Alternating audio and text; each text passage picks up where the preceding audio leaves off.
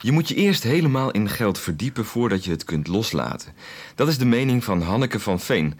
Samen met haar man begon ze vijf jaar geleden met de Vrekkenkrant. Daarnaast schreven ze drie boeken over zuinig en spaarzaam leven en ze gingen zelf ook zo leven. Onlangs verscheen het laatste nummer van de Vrekkenkrant. In het gesprek praat Henny Burgraaf met Hanneke van Veen. Zij vroeg haar allereerst waarom de Vrekkenkrant niet meer bestaat. Ja, dat is een beetje een gekke beslissing en ook voor heel veel mensen onbegrijpelijk. Want uh, het stijgt nog steeds het abonnee-aantal en uh, er komt ook steeds meer waardering en belangstelling voor. Maar ja, aan het begin van het jaar merkten we al dat het een beetje uit, uit de hand begon te lopen. We kregen zoveel aanvragen en zoveel abonnees. En toen hebben we echt de beslissing genomen van nou, er moet ergens het mes in. En uh, dat is de krant geworden. Werd de Vrekkenkrant ook op een zuinige manier gemaakt? Zo mogelijk wel. We hebben altijd uh, geprobeerd om uh, met het papier zuinig om te gaan. Er staat heel veel tekst op heel weinig oppervlakte. het is een kleine krant. Ehm, ja, we zitten ook nog heel vaak, gebruiken we enveloppen voor de tweede keer als we een pakje moeten maken. Dus ja, we doen echt wel ons best. De laatste Vrekkenkrant is nu net uit. Het houdt op. Vindt u het jammer? Ja, het is ook altijd uh, stoppen met iets, dat is goed. En het is ook altijd een beetje triest. dat, dat voel ik ook echt wel. Ja. Waarom vindt u het jammer? Nou ja, het is natuurlijk heel erg prettig als je iets te vertellen hebt. Dat je dan zonder uh, aan iemand rekenschap af te leggen... dat je dan... Uh, ja, alles kan schrijven wat je wilt. En ik heb jaren daarvoor ook wel vaak uh, geprobeerd om een artikel geplaatst te krijgen. Of ik heb ook wel eens geschreven hoor, voor het Blad van de Kleine Aarde en voor Opzij. Maar ja, je bent dan altijd heel erg afhankelijk van een ander. Hè? En uh, ja, die moet dan maar toestemming geven. En nu hoefde dat helemaal niet. Ik kon dus echt alles wat ik wilde, kon ik daarin kwijt. En het wordt ook nog leuk gevonden, dus dat is uh, heel dankbaar. Jullie blad had ongeveer 5000 uh, abonnees. Waar moeten die nu naartoe? Die gaan straks, als ze willen tenminste, want uh, ja, we hebben niet ons abonneebestand verkocht. Dat vonden we niet in overeenstemming met onze principes. Die kunnen naar het blad genoeg. Dat wordt uh, in januari, eind januari, komt dat voor het eerst uit. Wat mij opvalt is dat de titel minder uitdagend uh, is dan jullie krant, de Vrekkenkrant. Dat klopt, daar hebben we ook voor gekozen, want we hebben in het verleden heel veel gehoord dat mensen zeiden van, uh, ja, we vinden die naam toch wel een, uh, ja, een debakel. Hè? Ik zou toch niet graag in de winkel staan of zeggen, ja, ik wil de Vrekkenkrant. Dat vonden ze toch een beetje te ver gaan. Of voor de postbode of voor de buurt. Dus ze hebben gezegd, nou, die krant, die moet nu een naam hebben die acceptabeler is. Voor een bepaald publiek dan, hè? want voor een ander publiek was die naam juist weer zo leuk om daar een abonnement op te nemen. Was u het zelf ook een beetje zat, die, die titel, de Vrekkenkrant? Nou, het is natuurlijk zo dat uh, in het begin hadden wij die naam bedacht van de Vrekkenkrant. Maar na korte tijd werden wij zelf heel persoonlijk het Vrekken-echtpaar. En dat is natuurlijk nog weer iets heel anders. Hè? Als je echt zo uh, benaderd wordt of aangesproken wordt. En er staat bijvoorbeeld in de krant, uh, een keer was ik alleen ergens en er stond er boven een kop in een krant... Vrekkenvrouw geeft advies of zoiets ja, dat klinkt toch, het blijft bij mijzelf ook altijd nog wel een beetje zo klinken van ja, uh, het is natuurlijk een eretitel, we hebben er ook voor gekozen, maar ik vind het ook wel weer goed dat dat uh, weer een beetje uh, stopt. Maar het is eigenlijk opmerkelijk dat u het een eretitel noemt. Want als je in Vandalen leest wat het woord vrek betekent, dan is het gierig, inhalig. Hoe kan je dat nou een eretitel noemen? Ja, we hebben dat heel bewust gedaan, omdat we al snel merkten als je zuinig bent en als je spaarzaam bent, dat je dan uitgescholden wordt. Dat mensen dan zeggen, goh, wat een krent ben jij. Wat ben jij een vrek. Wat ben jij een gierigaard. Wat ben je een zunigerd. En toen hebben we heel lang nagedacht van, uh, ja, we willen dat ja, eigenlijk voor zijn dat anderen ons uitschelden. We doen het maar vanzelf. En uh, dan gaat die naam, die betekenis van die naam ook veranderen. En dat is ook gebeurd. Dat is heel grappig dat mensen ons nu brieven schrijven van... Uh, ik ben er heel erg trots om, om vrek te zijn. Dat is eigenlijk heel onverwacht dat, uh, dat dat zo uitgepakt heeft. Maar wat is dan een vrek? Wat is uw definitie van een vrek? Ja, wij zeggen dat we moderne vrekken zijn. De ouderwetse vrek, dat is een, uh, een man die op een zak geld zit en dat allemaal voor zichzelf wil bewaren. En een moderne vrek, dat is iemand die heel zuinig en heel zorgvuldig omgaat met de grondstoffen, met het milieu, met de zaken die je gekregen hebt en niet, niet graag wil verspillen. En uh, die is niet gierig, want die gebruikt het geld wat hij uitspaart door geen overbodige luxe te kopen, misschien wel om weg te geven. En dat is dus heel iets anders. Dus Van Dalen moet eigenlijk bijgesteld worden? Nou, misschien komt er over een, uh, weet ik hoeveel jaar, wel een, uh, een nieuwe betekenis bij. Dat zou best kunnen. Wat is het verschil met jullie Vrekkenkrant en bijvoorbeeld een consumentengids of uitgaven van het Nationaal Instituut voor Budgetvoorlichting? Nou, er zijn denk ik hele grote verschillen. Ten eerste werken wij natuurlijk niet bij een organisatie en uh, verkondigen de blijde boodschap van 9 tot 5. Wij leven echt zo. Dus uh, het is voortgekomen uit onze eigen ervaringen, uit onze eigen levensstijl, uit eigen beslissingen. En een consumentengids die richt zich heel erg ook op een groot publiek en uh, die zeggen eigenlijk als je koopt, koop dan iets verantwoords of vergelijk prijzen. En wij zeggen heel vaak koop niet. Dus wij hebben een hele andere boodschap. En bij ons zal je zelden vergelijkingen vinden van hele dure artikelen. Uh, bij ons gaat het ook heel vaak om hele gewone dingen, om boodschappen doen, om recepten, om uh, ja, kleine dingen. Wel om grote beslissingen, maar het vertaalt zich vaak in alledaagse kleine dingen. En het Nibud bijvoorbeeld, uh, dat is ook een gevestigde instelling die al jaren en jaren bestaat.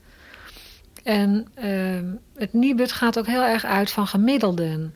En wij merken dat de vrekken, de mensen die dus echt zuinig zijn gaan leven, dat die daar helemaal niet meer in passen. Dus als het Nibud uh, zegt gemiddeld geeft een gezin zoveel uit voor voeding of voor kleding. Ja, wij zitten daar altijd helemaal onder, want ik noem maar wat kleding. Ik denk dat ik het afgelopen jaar misschien 60 gulden aan kleding heb uitgegeven. En uh, voor het Nibud is dat nog minder dan het gemiddelde per maand.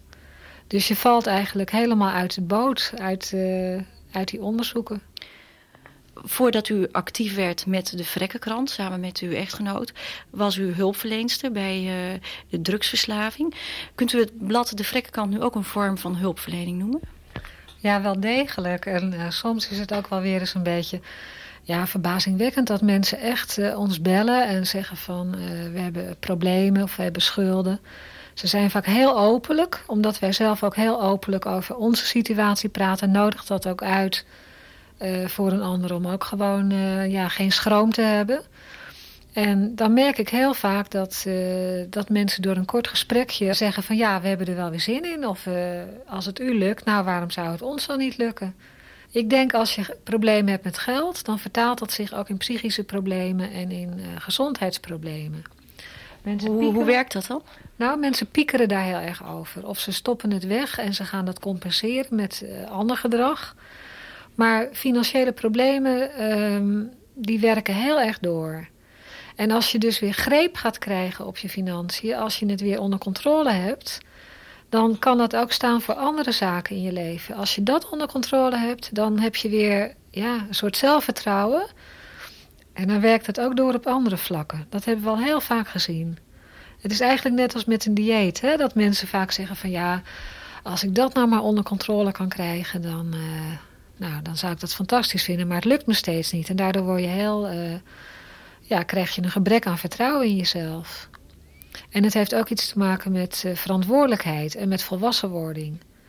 Dus mensen die financiële problemen hebben, die hebben ook vaak uh, ja, problemen in het verleden niet opgelost. Hè, bijvoorbeeld, ik noem maar wat, boos zijn op de maatschappij, boos zijn op je ouders dat ze je niet genoeg gaven. En dat vertaalt zich dan ook weer in een houding van, nou, ik krijg toch niet genoeg. En ja, een soort boosheid over het weinige geld wat je hebt. Of misschien ook al heb je veel. Maar toch willen aantonen dat je niet genoeg hebt.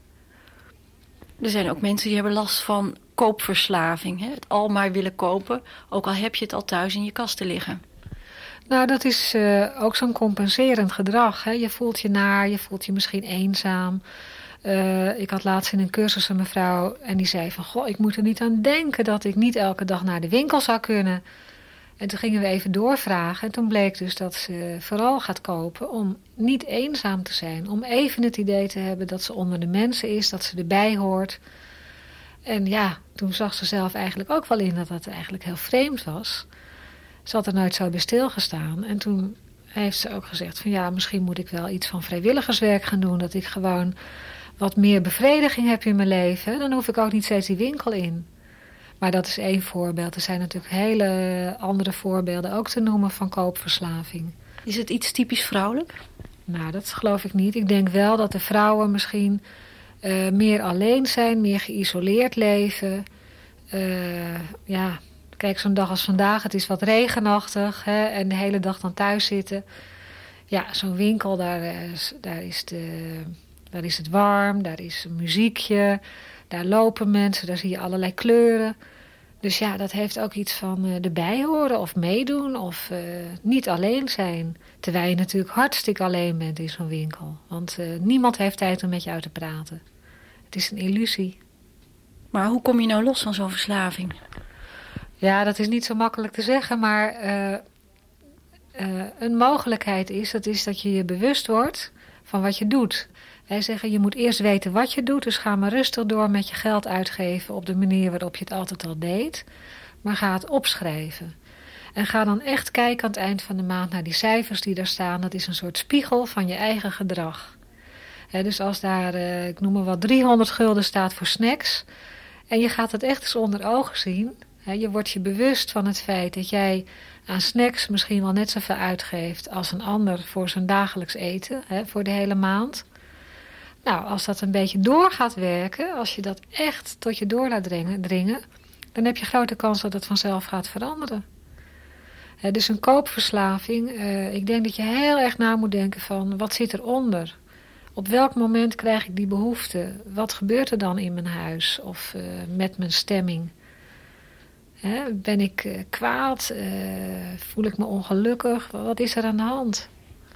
Maar echt een pasklaar antwoord heb ik niet. Want net als met drugsverslaving, er zijn honderden redenen en honderden oplossingen. U kon zelf eh, het blad vullen met artikelen zoals u dat zelf wilde. Jullie namen in het blad ook tips op van anderen. Is er nou wel eens een tip geweest uh, die u geweigerd hebt te publiceren? Ja, er zijn er heel veel geweest uh, waarvan we echt dachten, ja, dat klopt niet. Of dat is oplichterij. Uh, ja, heel simpel. Als iemand natuurlijk schrijft van uh, verstuur maar lekker de brieven via uh, je kantoor of uh, ik neem altijd dit of dat mee of je kan de boel oplichten daar en daar. En wat vond u een hele creatieve tip als u nu kijkt naar de afgelopen jaren? Nou, er zijn er duizenden. Ik, ik vind nog steeds zelf een van de raarste dingen die ik ontdekte. Dat bijvoorbeeld postzegels ook uh, met korting gekocht kunnen worden. Ik heb altijd gedacht, de PTT, een staatsbedrijf, die heeft het monopolie. En een postzegel van 70 cent kost 70 cent, punt uit. Maar uh, ja, op de een of andere manier bij de postzegelhandel, dus uh, waar je bijzondere postzegels kan kopen. Daar kan je dus ook postzegels kopen, grote hoeveelheden, met korting. Dus wij doen dat ook al jaren. Hier staat op het bureau een bijvoorbeeld ook een, een, pot met postzegels. En die moeten we dan wel plakken. want die zijn soms uh, afgeweekt of uh, het zijn postzegels van vorige jaren. dus er is wel vaak iets mee, maar voor ons is dat geen enkel probleem. En wat betaalt u dan voor een postzegel van 80 cent bij zo'n postzegelhandelaar? Ja, dan betaal je bijvoorbeeld 10% eh, korting, dus dan betaal je 72 cent. Maar je moet dan wel een hele grote hoeveelheid kopen. Maar voor ons is dat natuurlijk ook nooit een probleem geweest, want die postzegels gaan zo ontzettend hard.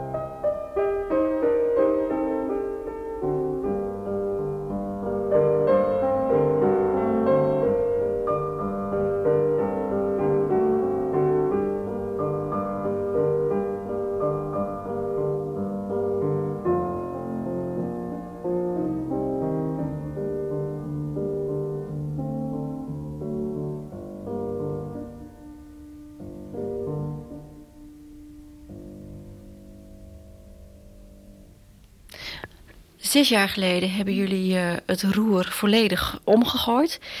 En zijn jullie een ander leven gaan leiden. Wat voor leven leiden jullie daarvoor dan? Daarvoor was het uh, veel meer van nou, we werkten hard en ook een soort compensatiegedrag. Hè? Dus na het werk heel snel even wat boodschappen halen. En dan keek je helemaal niet naar het geld. vaak in een restaurant eten, tijdschriften kopen, muziek, op vakantie gaan. En ja, dat ging mij steeds meer tegenstaan. En we hebben dat dus veranderd. En ja, wat ook heel erg veranderd is, dat is onze relatie. We hadden vroeger eigenlijk altijd uh, problemen over geld. niet ernstig, maar toch wel schermutselingen. Ik wilde vaak wat minder en mijn man wilde vaak net wat meer. En dan dacht ik altijd, goh, toch wel een beetje zonde van het geld. Of uh, waarom moet dat nou zo? En ja, nadat we dat uh, veranderd hebben, nadat we echt met elkaar hadden afgesproken van we gaan het anders doen, uh, heb ik het gevoel dat hij meer naast me staat. Dus niet tegenover me, hè, niet uh, iemand ja, waar ik steeds een beetje voor op moet letten of waar ik mee in de clinch moet, maar veel meer iemand die op dezelfde lijn zit, die dezelfde dingen belangrijk vindt. En dat is dus pure winst. Maar nog even terug naar die tijd van uit eten gaan, uh, op vakantie gaan. Dat is toch heerlijk? Ja, dat is een tijdje heerlijk, denk ik. Maar ja, ik heb dat altijd al gehad. Als ik bijvoorbeeld uh, drie dagen op vakantie was, dan de vierde dag, dan dacht ik, jeetje, weer in zo'n restaurant. En dan begon het me al te vervelen vaak. Ik vond het dan saai of uh, dacht ik, zit je weer alleen aan zo'n tafeltje en al die gangen achter elkaar. En dan voelde je je opgeblazen en een beetje te veel eten. En... Dus ik ben eigenlijk altijd al een beetje, ja, dat ik snel genoeg ervan had. Dat ik dacht, ja, nou, het is wel genoeg eigenlijk. Ik, uh, het verveelde me dan. En het rare is dat we nu nog maar een heel enkel keertje uit eten gaan. En dan kan ik er wel weer van genieten. Zou je kunnen zeggen dat er bij u een soort verzadigingspunt was bereikt? Ja. En het grappige is ook dat dat ook blijkt uit onderzoek. Hè, dat uh, als mensen eenmaal een bepaalde luxe leventje hebben, dat ze ook niet meer gelukkiger worden. Er wordt heel veel onderzoek gedaan. En het blijkt dus dat in het begin, als mensen heel weinig hebben en ze krijgen wat meer, ja, dan, worden ze, dan stijgt dat geluksgevoel heel sterk. Maar als ze eenmaal uh, ja, een bepaalde hoeveelheid uh, comfort en luxe hebben, dan kan dat nog wat toenemen in geld hè, en ook in gelduitgaven, maar dan stijgt het geluksgevoel niet meer. Dan houdt het op. Dan blijft het stabiel. En ik denk zelfs dat na een bepaalde tijd dat het gaat dalen. Dat je dus ongelukkig wordt van uh, het uit eten gaan, van het consumeren. Je hebt alles al, je wordt blasé. Herinnert u zich nog het moment dat u zei, vanaf vandaag is het roer omgegooid?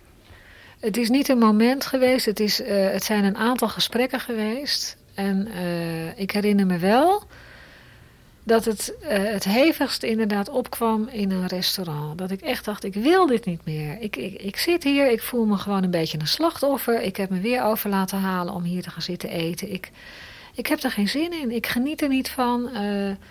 het kost ontzettend veel geld. waar zijn we eigenlijk mee bezig? Is dit nu uh, de zin van het leven of zo? Uh, dat je alleen maar hard werkt om geld te verdienen. En om dat heel snel allemaal weer uit te geven. Dat vond ik een soort zinloos. Het gaf me een ontzettend leeg en zinloos gevoel. En ik heb toen echt met mijn man ook uh, gepraat. En ja, hem gevraagd van wil je alsjeblieft meedoen? En zullen we het proberen? En als experiment. Ik heb, ik heb ook gezegd, ja, als het echt niet gaat of niet bevalt, kan het altijd weer stopgezet worden. En wat hebben jullie toen concreet gedaan? Uh, we zijn eigenlijk van de ene dag op de andere zijn we gaan kijken bij allerlei dingen van kan het anders, kan het goedkoper, kan het minder, waarom doen we dat eigenlijk zo? En ja, mijn man is heel radicaal. Als hij eenmaal ja zegt, dan uh, die deed bijvoorbeeld al zijn abonnementen in één klap weg. Alles. En ik ben veel meer dat ik dan lijstjes ga maken en na ga denken. En, uh, ik kan natuurlijk niet alles in één klap uh, veranderen. Dat ging heel geleidelijk. Dus uh, de ene keer ontdekten we weer van nou, een theezakje inderdaad. En dan gingen we uitrekenen van hoeveel zit er eigenlijk in zo'n pakje. Nou, dat zijn 20 zakjes, keer 4 gram is 80 gram. En daar betaal je dan zoveel voor. Je kan ook losse thee gebruiken. Hè? Dat uh, scheelt dan uh, een heleboel geld op een mensenleven. We maakten dus wel meteen al hele gekke berekeningen. Dat vonden we dus wel grappig. En die zijn dus later ook in die krant gekomen. Uh, ja, het was eigenlijk... Mijn man heeft zelfs gezegd alsof je een soort marsmannetje bent... Hè, die even op aarde rondkijkt en die zich allerlei vragen stelt. Van waarom doen jullie dat zo? Of moet dat eigenlijk wel? Of van wie heb je dat geleerd? Nou, en ik kom uit een, laat ik maar zeggen, uit een, zuinig nest. Ik ben dus van huis uit toch heel zuinig opgevoed... want mijn ouders hadden heel weinig geld. En ja, ik heb daar ook helemaal geen slechte herinneringen aan, aan vroeger dat je, we hadden toch eigenlijk ook alles. Er was eten, er was drinken. Uh, wij gingen ook wel eens een keer op vakantie. En ik zag ook wel uh, ja, meisjes die, die soms mooie jurken aan hadden. Dat zag ik ook wel. Maar ja, ik heb nooit gedacht van, goh, waarom heb ik dat niet? Dat, maar mijn man komt uit een heel ander gezin, waar wat meer geld was. Ja, en dan leer je ook andere dingen. Hè? Dus hij heeft geleerd, overal licht aan, dat is gezellig. Hè? Dat is luxe, dat is rijkdom. En overal de kachel aan. En wij hebben geleerd, deur dicht, licht uit. En ja, mijn vader gaf hele preken over uh, dat we ook met één wc-papiertje, geloof ik, het toe moesten kunnen. Hè? En dan dacht ik ook wel eens, oh man, hou op. Hè? Maar het grappige is dat je ja, de appel valt niet ver van de boom. Dat er toch blijkbaar ja, een soort basis is gelegd van uh, dat je ook tevreden kan zijn met heel weinig. Wat ging nog meer de deur uit? Uh, na een paar jaar is ook de televisie verdwenen. Die, uh, dat is ook, ook weer heel plotseling gegaan. Dat we na een vakantie ontdekten, we hebben drie weken geen televisie gekeken. We hadden buiten gewandeld. Geen moment aan dat ding gedacht. En uh, Rob was nog niet binnen. Of hij zette de televisie aan en ging kijken. En toen vond hij dat zelf eigenlijk ook zo absurd dat hij toen zei van ja, nou, ik heb drie weken niet gekeken, ik heb niets gemist. En uh, hij kan dan moeilijker zichzelf uh, bijvoorbeeld op dieet zetten. Hè? Hij kan niet zeggen van nou, ik kijk wat minder of ik kijk alleen goede programma's. Dus van hem kwam ook het voorstel om dat ding helemaal weg te doen. En toen heb ik ook direct ja gezegd. Want ik dacht, ja, dat lijkt me wel een hele goede beslissing om gewoon eens te kijken wat er gebeurt. Maar heeft dat nu met zuinigheid te maken of zit er nog iets anders achter? Het is geld aan de ene kant, maar ook uh, je wordt je bewust uh, van allerlei gedrag. En ook hoe je met tijd omgaat. Uh, wij ontdekten al heel snel dat geld en tijd, dat heeft alles met elkaar te maken. De tegenwoordige mensen die, die werken natuurlijk heel hard. En die zeggen ook allemaal dat ze dat moeten, omdat ze dat geld zo nodig hebben. Maar ze hebben amper tijd om van dat geld wat ze verdiend hebben, om daarvan te genieten. En ze moeten ook zo jachtig leven dat ze ook uh, heel onverantwoordelijk eigenlijk met dat geld omgaan. dat ze allemaal dure kant-en-klaar moeten kopen. Dat ze... Ja, het is een soort redrace waar je in zit. En ik vind zelf ook altijd Amerika een soort spiegel van hoe het hier ook zou kunnen worden. Een soort schrikbeeld ergens. van ouders die hun kinderen al aangekleed in bed leggen omdat ze ochtends zo vroeg op moeten staan om uh, naar hun zoveelste baantje te gaan. De ouders werken meestal samen. En uh, dan gaan de kinderen achter in de auto en die krijgen nog even een waslap over hun gezicht en een boterham in hun hand geduwd. Nou, dat is dan het gezinsleven. De moeder is vervangen door de ijskast. Je komt thuis en je gaat gewoon, je pakt wat uit die ijskast. Het is allemaal heel triest.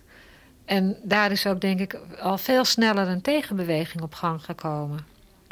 Je hebt daar in iedere staat heb je een vrekkenkrant. Je hebt daar heel veel boeken al over uh, de overworked American, uh, Your Money or Your Life. Uh, boeken die allemaal gaan over, ja, waar zijn we mee bezig?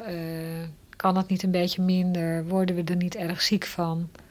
Wat kost dit aan de komende generaties, hè, dat grenzeloze kopen en, en consumeren.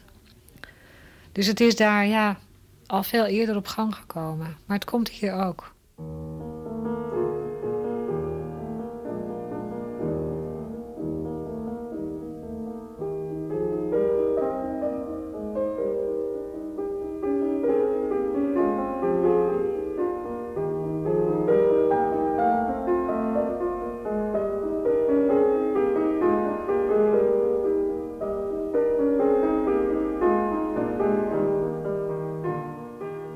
Luistert naar het gesprek van de NCRV.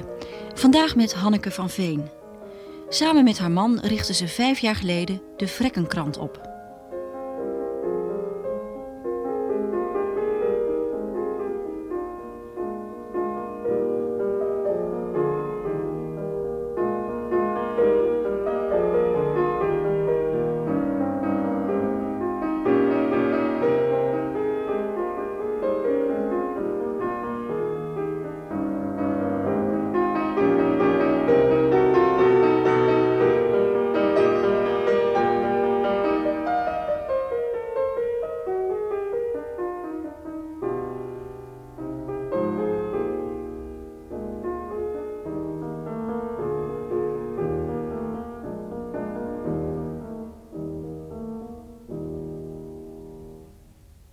andere stijl van leven, alles uh, vastleggen in een huishoudboekje. Wordt het op een gegeven moment niet een enorme obsessie? Ben je niet continu bezig met, met geld, met berekenen, met vergelijken? Nee, dat is dus heel grappig. Uh, in het begin ben je er wel veel mee bezig, omdat het een uh, bewustwording is. Je moet het veranderen, je moet erover nadenken. Maar na een tijdje wordt het normaal. Hè? Dus uh, ik zeg ook heel vaak van... In het begin ehm, ja, dan ga je inderdaad andere winkels bekijken. Je gaat prijzen vergelijken. Je gaat lijstjes maken. Maar na een tijdje weet je precies waar je alles halen moet. En dan gaat het je ook tijd opleveren. ik, uh, ik heb bijvoorbeeld uh, een kast in de gang. Nou, daar staat mijn voorraad levensmiddelen. Ik hoef dus, uh, ook al zou ik een week geen boodschappen doen, ik kan me prima redden. En dat maakt je dus ook minder afhankelijk van winkels. En iedere keer dat je in een winkel komt, dan koop je ook weer iets wat je niet nodig hebt dus uh, ja, wij maken dus veel meer, kijken we wat hebben we in huis, wat moet op. En vroeger was het meer, waar hebben we trek in? En dat gingen we dan halen. Maar wat is dan het verschil? Je, je hebt een voorraadkast, maar je kunt toch ook naar de winkel gaan, want daar is toch ook alles te krijgen. wat is dan het verschil met die voorraadkast in de winkel? Ja, nou, je, uh, als je een voorraadkast hebt, dan heb je basisproducten. Bijvoorbeeld, je hebt altijd meel en altijd suiker en uh, rijst, macaroni, dat heb je allemaal in huis. En uh, je hoeft dus niet iedere keer naar die winkel, dus het scheelt heel veel tijd. En je koopt dus ook niet overbodige producten. Want het is echt waar, ook als ik naar de winkel ga, al ben ik nog zo met dit onderwerp bezig. Ik heb toch snel dat ik dan denk, ach, laat ik dat dan maar meenemen. Of uh, ja, hoe meer, des te minder je in een winkel komt, des te minder je ook uitgenodigd wordt om iets te kopen wat je eigenlijk niet nodig hebt. Uh, dus het scheelt echt heel veel tijd. Het maakt het leven veel simpeler, veel aangenamer, vind ik zelf. Maar, maar die obsessie, uh, zit dat er toch niet wat achter? Nou, mijn man zegt vaak... vroeger was ik geobsedeerd door geld. Toen wilde ik steeds maar dingen hebben en dingen kopen... en was ik aan het fantaseren over dit en over dat. En uh, ja, dat is eigenlijk een beetje weggevallen die zuinige manier van leven, wat voor gevolg had dat nou voor uw bestedingspatroon? Was dat duidelijk merkbaar? Direct. En uh, heel drastisch is dat gedaald. Uh, we hadden bijvoorbeeld een inkomen van 5.000, 6.000 gulden. En dat is eigenlijk ook de afgelopen zes jaar wel ongeveer zo gebleven. Maar onze uitgaven die zijn dus gedaald van 5.000, 6.000 gulden per maand Eerst de eerste twee jaar ongeveer naar 3000 gulden, dus dan is het gehalveerd. En door alles op te schrijven en daar aan het eind van de maand naar te gaan kijken, zijn we ons eigenlijk nog van een heleboel meer dingen bewust geworden. we schrokken bijvoorbeeld enorm van uh, cadeautjes, wat dat kost. Er misschien meteen tien van. En uh, ik ga niet meer op het allerlaatste moment, heel gejaagd en gestrest, ren ik een bloemenwinkel in om een hele dure bos bloemen te kopen. Dat doe ik allemaal niet meer. En ik maak zelf jam en ik uh, maak dan een heel leuk etiketten op. Ja, we hebben gewoon altijd een voorraad van alles en nog wat. En we geven mensen ook tijd. We gaan bijvoorbeeld morgenavond gaan we babysitten bij vrienden van ons. Die hebben een strippenkaart babysit gekregen. Ehm, nou, mijn schoonvader die houdt van soep. Ik maak wel eens een hele grote pan soep als cadeautje... in plaats van een bos bloemen meenemen, dat soort dingen. Dus je gaat eigenlijk veel meer nadenken van... Uh, wil ik dat wel? Uh, doe ik dat alleen maar omdat anderen dat ook doen? Je wordt dus toch wat bewuster, denk ik. U zegt uw uitgaven zijn gedaald in de afgelopen jaren. Uw inkomsten zijn gelijk gebleven. Dat betekent dus dat u rijker geworden bent. Wat doet u daarmee? Daar maken we geen enkel geheim van. Uh, in het begin wisten we het nog niet zo goed. Uh, mijn man had toen wij begonnen had hij schulden. Uh, dus het eerste doel was voor hem die schulden afbetalen. Maar al heel snel kwam er gewoon geld op zijn bankrekening. dus in plaats van rente te betalen, kreeg hij rente. En dat was voor hem natuurlijk nog veel schokkender dan voor mij. Want ik heb nooit schulden gehad. Ik heb altijd wel iets gespaard. En we hebben ook om die reden altijd een uh, gescheiden boekhouding gehad. Hè. We zijn ook buiten gemeenschap van goederen getrouwd.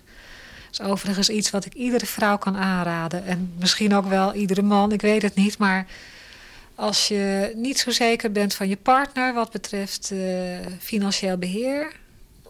zorg dan maar dat je dat gescheiden houdt. Dat is veel beter. Um, maar we hielden dus geld over. En toen zijn we echt na gaan denken van ja, wat gaan we daarmee doen? En toen hebben we eigenlijk ook ontdekt van ja, als je zo zuinig blijft leven, dan kan je eigenlijk al heel snel zou je kunnen stoppen met werken. Want je hoeft dus niet een miljoen te hebben om te rentenieren, maar je kan al met 2 à 3 ton kan je al gaan rentenieren. Als je dus zo zuinig leeft als wij. En het wil helemaal niet zeggen dat we dat ook precies gaan doen op dat moment, dat dat kan. Uh, maar het idee dat het kan is al zo belangrijk. Je kan dus heel kritisch worden naar werk toe. Je kan meer vrijwilligerswerk gaan doen. Je kan uh, ook eens een jaar helemaal niks doen. De mogelijkheden die zijn opeens uh, legio. U zegt het al, je hebt een andere manier van, uh, van tijd besteden. Um, als je nou zegt, ik heb zoveel geld over omdat ik zuiniger leef. Ik wil dat uh, aan goede doelen geven. Hebt u daar ook nog een tip voor om dat op een goede manier te doen? Ja. Uh, ik heb altijd ook wel een bepaald percentage van mijn inkomen weggegeven. Dat vind ik ook prettig. Want uh, wij hebben uiteindelijk allemaal veel meer dan een hele groot deel van de, van de bevolking. Maar ik ben ook bijvoorbeeld geld gaan beleggen in groene fondsen. En het grappige is dat die groene fondsen vaak nog een heel grote goede opbrengst hebben. Bijvoorbeeld, nou, ik heb geld belegd in een windmolencoöperatie. Eentje in Noord-Holland, eentje in Den Haag. En die geven een hele redelijke rente, hoger dan de banken. Maar nu hebt u het over fondsen die u zelf weer rente opleveren. Je kunt ook zeggen, ik geef zonder dat ik iets voor terugkrijg. Ja, dat kan, maar ik, voor mij hoeft dat niet per se. Een deel geef ik dus weg als gift. Maar het geld wat ik beleg, dan vind ik het ook prima als daar wat uit terugkomt. Kijk, als mijn windmolen, of als ik een stukje windmolen heb... en uh, die windmolen die uh, brengt geld op dan vind ik dat ook niet zo raar dat ik daar ook een beetje van mee profiteer. Ik heb ook het risico durven lopen. He, dus ook het risico dat er niks uh, rente opkwam. En als hij het dan goed doet, nou, dan vind ik dat ook wel een stimulans. Hoeveel procent geeft u aan goede doelen? Um, nou, het is wel jaren geweest dat het meer was. Ik heb uh, in de tijd dat ik uh, veel geld uitgaf, gaf ik meer weg. Dat is wel waar. Ik denk ook omdat ik me wat schuldiger voelde. Het is nu een beetje aan het veranderen. Nu denk ik van ik geef uh, in percentages minder weg. Misschien 5% van mijn inkomen. Vroeger was het soms wel 10%. Dan probeer ik echt het maximum wat je ook weer uh, ja, in verband met belasting uh, weg kon geven te halen. Nu doe ik het anders, omdat ik denk, ik geef ook al heel veel van mijn tijd aan goede projecten. Dus ik hoef niet per se in geld zoveel te geven. Dus dat is wel veranderd. Is er een bepaalde vorm van zuinigheid waarvan u zegt... ja, dat gaat me te ver. Als ik dat doe, dan krijg ik het schaamrood op mijn kaken. Ja, dat zou ik niet zo goed weten. Ik weet wel dat het heel persoonlijk is wat ik uh, te ver vind gaan. Hè. Dat kan een ander heel normaal vinden. We hebben in de laatste Vrekkenkrant een aantal voorbeelden opgenomen van... Uh, ja, tips die we kregen die ik echt wel heel ver vind gaan... en die ik zelf niet zou doen... Maar ik vind het ook ja, aan anders een goede recht om wel verder te gaan. wij hoorden van een mevrouw die, ja, dat is echt, echt gebeurd. Die belde mij op en die zei van nou, ik uh, eet warm voor 50 gulden per jaar. Toen zei ik, nou, hoe kan dat dan? En toen zei ze, nou, ik uh, kook duivenvoer. Dat maak ik schoon en dat zoek ik uit en dat kook ik. En zij was op het idee gebracht door dat Moorman-dieet. En ze zegt, ja, dan maak ik meteen tien porties tegelijk. Dat gaat in de vriezer. En dat eet ik. En ik voel me daar prima bij. En ik vind het ook nog lekker. Ja, waar, ik denk aan de ene kant, waarom niet? Hè? Als je zoiets probeert en het bevalt je, nou, je zal er niet ziek van worden blijkbaar. Aan de andere kant trekt het me helemaal niet aan. Ik experimenteer wel met andere groentes en ook met peulvruchten. Maar de duivenvoer, ja, zover is het nog niet. Wat ik zelf als een moeilijk punt vind, is als je in een restaurant eet en je eet niet alles op dat je het bij van spreken mee zou kunnen nemen. Ik durf dat niet te vragen. Dat kan ik me heel goed voorstellen. Het heeft voor mij ook een hele tijd geduurd, maar ik vraag het nu wel. En ik ben ook één keer in Amerika geweest en daar zie je dat het doodnormaal is dat iedereen dat meeneemt. En wij hebben het ook een beetje omgedraaid. Wij zeggen, je hoeft je er niet voor te schamen. Je moet het zien als een huldeblijk aan de kok. Je vindt het eten zo lekker dat je absoluut niet wilt dat het weggegooid wordt. En uh, eigenlijk is het ook van de gekken natuurlijk. Hè? Dat je een halve pizza overlaat en dat die gewoon in de vuilnisbak terechtkomt. Hoe kom ik nou over mijn schaamte heen? Want bij de gedachte alleen al. Ja, nou, uh, door het gewoon eens een keer te proberen. Of ja, de minst moeilijke situatie uit te zoeken. Uh, ik heb bijvoorbeeld één keer, uh, toen heb ik bij de Chinees gegeten. En mijn man die zou s'avonds laat thuiskomen. En toen heb ik echt al mijn moed verzameld. En ik heb gezegd, goh, kan ik dit ook meenemen? Er was heel veel over. Toen zei me, ja hoor, natuurlijk. Dus het werd keurig netjes. Ook niet op je tafeltje wordt het ingepakt. Ze ruimen het af, pakken het in en je krijgt het dan bij de kassa. Als je betaalt, krijg je het mee. Ja, en het leuke was toen dat uh, mijn man kwam thuis. En ik had het eten had ik dus in de ijskast gezet. En die had nog niet gegeten. En... Uh, nou, die was, ja, dan ben ik op dat moment ook heel trots op mezelf dat ik dat heb durven vragen. Want ik denk, nou, hij eet lekker. Uh, ik hoef niet apart weer te koken. Er is minder afval. Dus waarom niet? Maar het, het, het vergt enige, ja, uh, enig doorzettingsvermogen. En, maar als je het eenmaal doet en het werkt, dan voel je je ook heel trots. Dan ben je er ook heel tevreden over.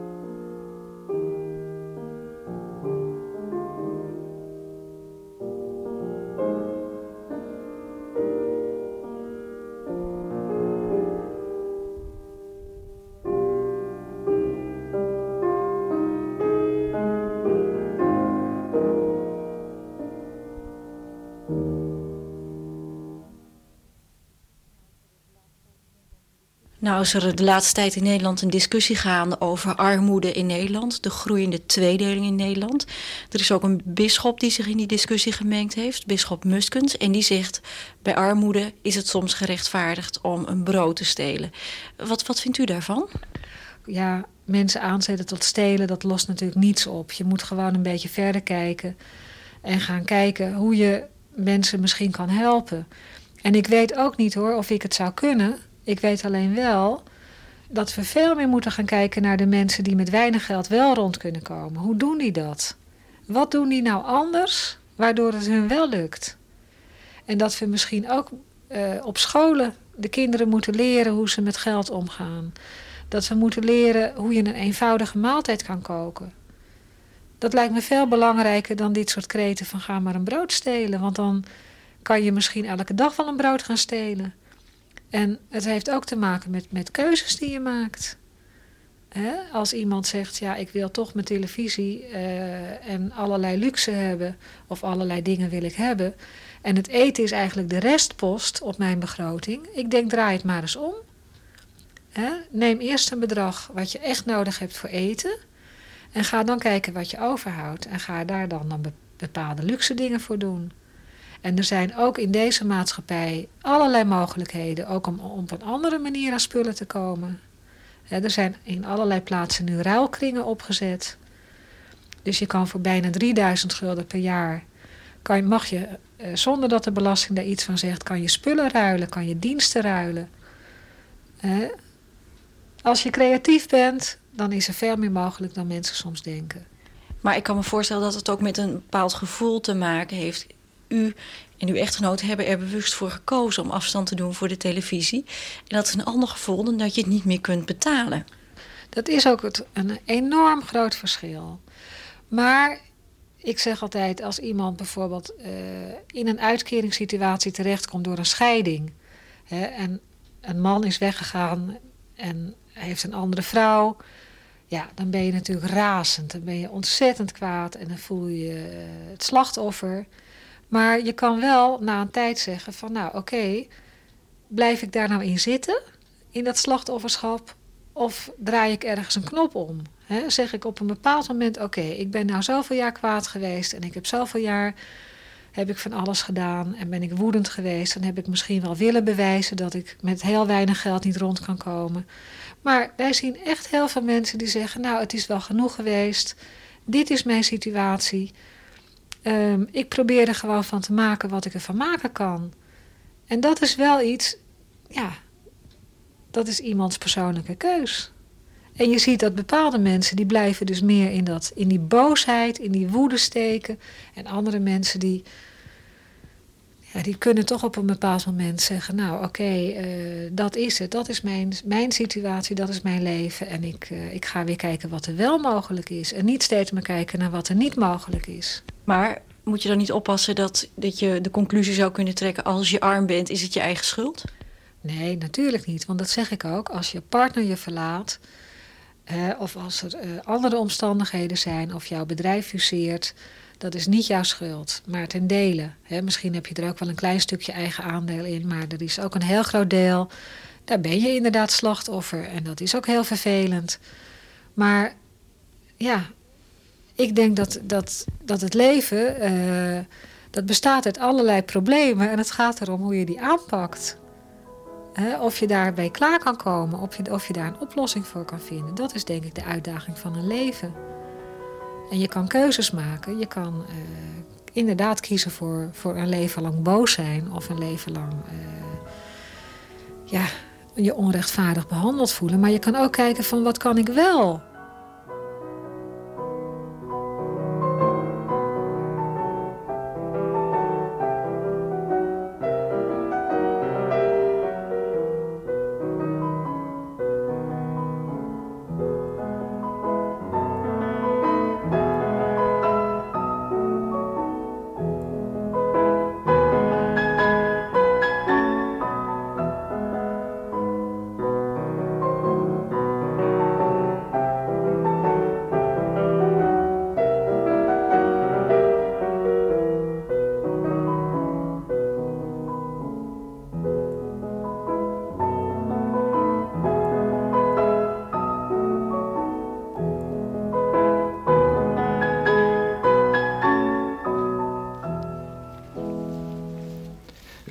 In gesprek met Hanneke van Veen, medeoprichter en uitgever van de Vrekkenkrant. U kunt van dit gesprek een cassette bestellen door 10 gulden over te maken op postgiro 125 3000 ten name van NCRV Uitgaven in Hilversum onder vermelding van het gesprek en de datum van vandaag en dat is 13 december.